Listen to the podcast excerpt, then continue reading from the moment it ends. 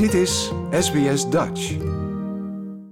Queenie, hoe kom jij op het idee om een show te maken met de titel Middle-Aged? Wel, ik ben nu in mijn uh, middelbare jaren. Ik ben nu uh, 52, bijna 53. En uh, we waren aan het praten. Ik was op een feestje met uh, een vriendin. Zij was 50 geworden en we waren allemaal aan het praten over you know, alles. En dan suddenly hebben we allemaal begin te praten over de overgang. En dan was het, iedereen was aan het praten, you know, heel, you know, very excited suddenly, telling stories, everybody going, oh, it's terrible.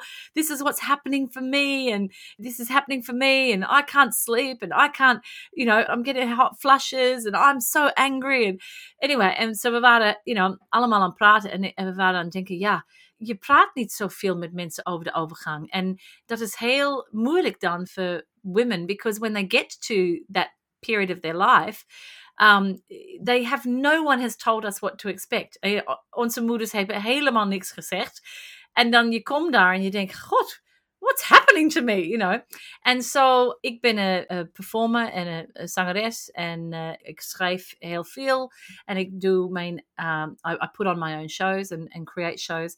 And I thought, there's really nothing out there, except for Menopause the Musical, there's really nothing out there that I know of that talks about this. And theatre has the ability to really um, reflect our experience and also to change people's minds and to influence culture. And I thought, I've got to write a show about this. And I said to my friends, you know what we are? We're all we're all middle-raged. And I came up with this and everyone went, Oh, it's such a good title. That should be the title of a show. And so the next day I was thinking, I've got to write this show. And I thought, Oh, I'm too tired because I'm going through menopause. Maar mijn uh, vriendin heeft me opgebeld en ze zegt, ja, I feel like I want to vomit in my mouth saying this to you, but I think that you should write a show about menopause, about you know being middle aged, and I think I should produce it because she, she's a theatre producer. And you know, I said, "Oh, that's exactly how I feel. I think I have to write this show, but I feel so tired." Even the idea of writing it because it will be such a big job, you know, to take this on. Um, but we both felt incredibly compelled to tell this story, and um, and that's how we started to go on this journey. Yeah. Yeah. Um, is it like comedy? Are you going to make fun of it, or is it more serious? Well, it's a beetje alles uh, because uh, the, we didn't when we started um, putting it together and started thinking about. We did a lot of research, and then we thought, you know, women. One of the big things that came out of our research was that females uh, in this time of life they lose their voice. Like if society starts to find them irrelevant, treat them like they're not even there anymore. It's like, yeah, bedankt, je hebt heel, you know, hebt heel goed gedaan, and tot ziens, you know, alle, allerbeste. And so we thought, well, actually, we want to give women a voice in doing this show, but to do that, you know, rather than then write it ourselves from two white women in Australia, you know, we thought actually we need to hear the stories of women around Australia. We want to hear their stories about what they've experienced and take that and then put it into a, a show that will be very funny because some of the stories that we've gotten from women are hilarious, you know, about you know terrible moments where they've had hot flushes which have been really embarrassing or and some of them are absolutely tragic. Some of the stories are so sad. And so we're going to find a night that really is a mixed bag of music of comedy of interactive stuff with the audience because we want the audience to also feel that they have a voice you know, it'll be a real variety show of all sorts of different things, all on the theme of being middle aged, basically, as a woman. Yeah, I'm not there yet. I'm 40. ja, bijna maar. Je weet dat uh, 40 tot uh, 56 is middle age, so you're there. No, no I don't want to know. No, no, no, no, no, no. No, no, Queenie. I'm not there yet. but um, uh, will I be terrified when I go to your show and hear what's going to happen oh, to nee, me? Oh, no, no, The, the, the whole point of it is is to is to really um inform people, absolutely inform them so they know what's coming, but to also show the light that comes. You know, one of the one of the the wonderful articles that started us off on this journey is um, an article from a woman whose name I've forgotten because I'm going through menopause and I've lost my memory. But uh, but um, uh, um, but in it, she talked about how the wonderful thing about menopause for women, which men don't really get, is that because we can't do anything but move forward because we actually can't in middle age what happens to a lot of men is they go backwards. They divorce their wives and they get a new wife and they start another family and they they try again. They try and make up for all of the stuff that they didn't get right. Yeah midlife crisis. Yeah, midlife crisis for a man. Well a midlife crisis for a woman you can't do that. You can't go off and have another family and start again you know like so you literally have to move forward. And and they said you know in this article it was a wonderful phrase. She said and that's why in midlife men go and buy a red motor vehicle or a sports car and women get their PhD. Women go forward and do great things after menopause because they're no longer bound by the things that they had before. They've moved through it. So that's part of what the show will be about. It will be about showing there's life on the other side of menopause there's life on the other side of midlife and you know all the hard things you have to deal with in midlife like parents dying or children moving out of home or you know like relationships breaking up or being ignored in society. There's like there's a whole nother you know getting used to your body aging. There's a whole nother wonderful life coming at you on the other side of that and so that's part of what the show will be about as well. Ja nou weten we dat je een hele mooie stem hebt ook. Ga je ook zingen Oh yeah. dat moet ik doen. um, so yes, in the show they'll be singing and music. So uh, yeah, we wait need to uh, what at the moment. We're still working on that. We've got one beautiful song written to by a wonderful musician and performer called Gillian Cosgriff, and there'll definitely be more music. But yes, I will definitely be singing in the show as well. Yeah. You just mentioned. I'm. I'm sorry. I'm switching from Dutch to English. You do the know, same. It's just one. Of me. Yeah. Ga ja, in het Nederlands ga ik gewoon verder.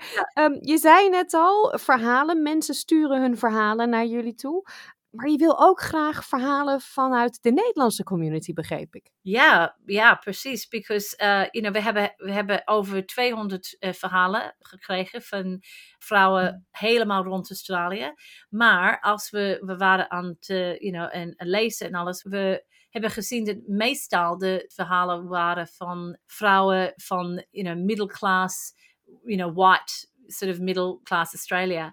And so you can't do a show in Australia um, that isn't multicultural because Australia is so multicultural, and you can't do it without stories from First Nations people and people of color, and you know, so so now what we've had to do um, because you know I think that initial survey was really um, you know we captured a whole lot of you know wonderful stories but what we've now been doing over the last few months is just reaching out to hundreds of organizations who work with communities um, that are marginalized and and minority communities and also multicultural communities. So we looked at the top 10 multicultural places that people come from in the in the world and Holland, you know, the Netherlands is one of them. So yeah, we love to hear from um, from Dutch women who are over forty who can tell their story because it's culturally it is it's so us. You know, we like we've we're now hearing from Lebanese women and and Japanese and Chinese and Filipino and South African and German and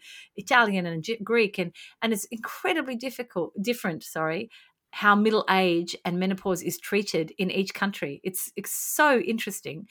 En ik, ik weet van uh, Holland uh, dat als je 50 wordt, dan ben je Sarah, you know. En dat ja. is een heel gekke ding als je dat moet tellen naar een Australische, you know, iemand van uh, Australië, dat was hier geboren. Zeggen ze nee. Dat is helemaal, it's a really weird idea to go, yeah. Uh, what they do in Holland is they make a puppet out of uh, straw or, or, or foam or a mannequin and they dress it up as you and they put it in the front of the window or in the garden and they say uh, you know Pauline is uh, is 50 you know and then they and then everybody I don't know what they do they beep their horn as they go past you know and that's it. It's really really it's such a funny idea to go why? What where did that come from? You know it's yeah so it's heel interessant uh, to hear about the different cultures yeah Maar de klachten zijn waarschijnlijk ongeveer hetzelfde de, aan je lichaam, de veranderingen. Well, nee, niet echt. Because uh, in, in China, for example, en in uh, some Asian countries, hebben ze bijna helemaal geen last van de menopauze, voor de overgang. Niks. Helemaal niks. Ik heb ge, uh, gepraat met mijn uh, stiefmoeder, zij is van de Filipijns. En zij heeft een hele grote groep of vrouwen dat ze is friends with. They're all 65. I said, oh, can you please ask all of your friends to do the survey? And ze zegt, yeah, I didn't ask them in the end because none of us have any problem at all from menopause. Niks. We hebben helemaal niks gezien. Geen uh, hot sweats, geen anger, niks. And I think, what? How is that possible? And then, yeah. yeah, and then you you find out also though that in the Philippines, I've talked to more people in the Philippines, um, w- women. They say, well, we don't talk about it. Nobody talks about it, you know. And so then you say, oh, okay, well, is it is it that they're not experiencing it, or is it that they just don't talk about those experiences you know so it's interesting to try and get stories from people from different cultures because you have to approach them quite differently they're not going to necessarily do a survey or sit around in a group and have a cup of tea and talk about it you know yeah nee. en de Nederlandse verhalen is dat ook een kans voor um, Jan van de Stoel om dan een appearance te maken? je weet het nooit. Je weet het nooit. I mean, Jan, she say, you know, ze heeft veel te, se te zeggen. She, she's got a lot to say. So uh, she may appear in the show. We, we will see. Um, we delen jouw gegevens op onze website. Als mensen denken: hey, ik heb een mooi verhaal voor Queenie. Die wil je graag horen. Ja, precies. We hebben. Zo mensen kan ook uh, met me bellen of e-mailen. Of if you're going to share, that you will share a, a, link to a survey. Um, people can just write, you know, in, en je kan ook in Hollands schrijven. Is helemaal goed. And uh, that would be lovely. We would love to hear your stories and uh, over the next few weeks while we're still gathering stories. Yeah. En uh, hoe lang ben je ongeveer nog bezig met schrijven, denk je? Wanneer kunnen we naar het theater? Ik hopelijk next year, 2024. So yeah, we hopelijk we hebben you know iets in the pipeline that we can't talk about yet but um, oh. i know. But we will be absolutely ringing back and coming back on here when we've got um, our show ready to go and it's um and it's performing around australia. We will be back in touch to let you know. Dankjewel queenie en heel veel succes ja bedankt. Like deel geef je reactie. Volg SBS Dutch op Facebook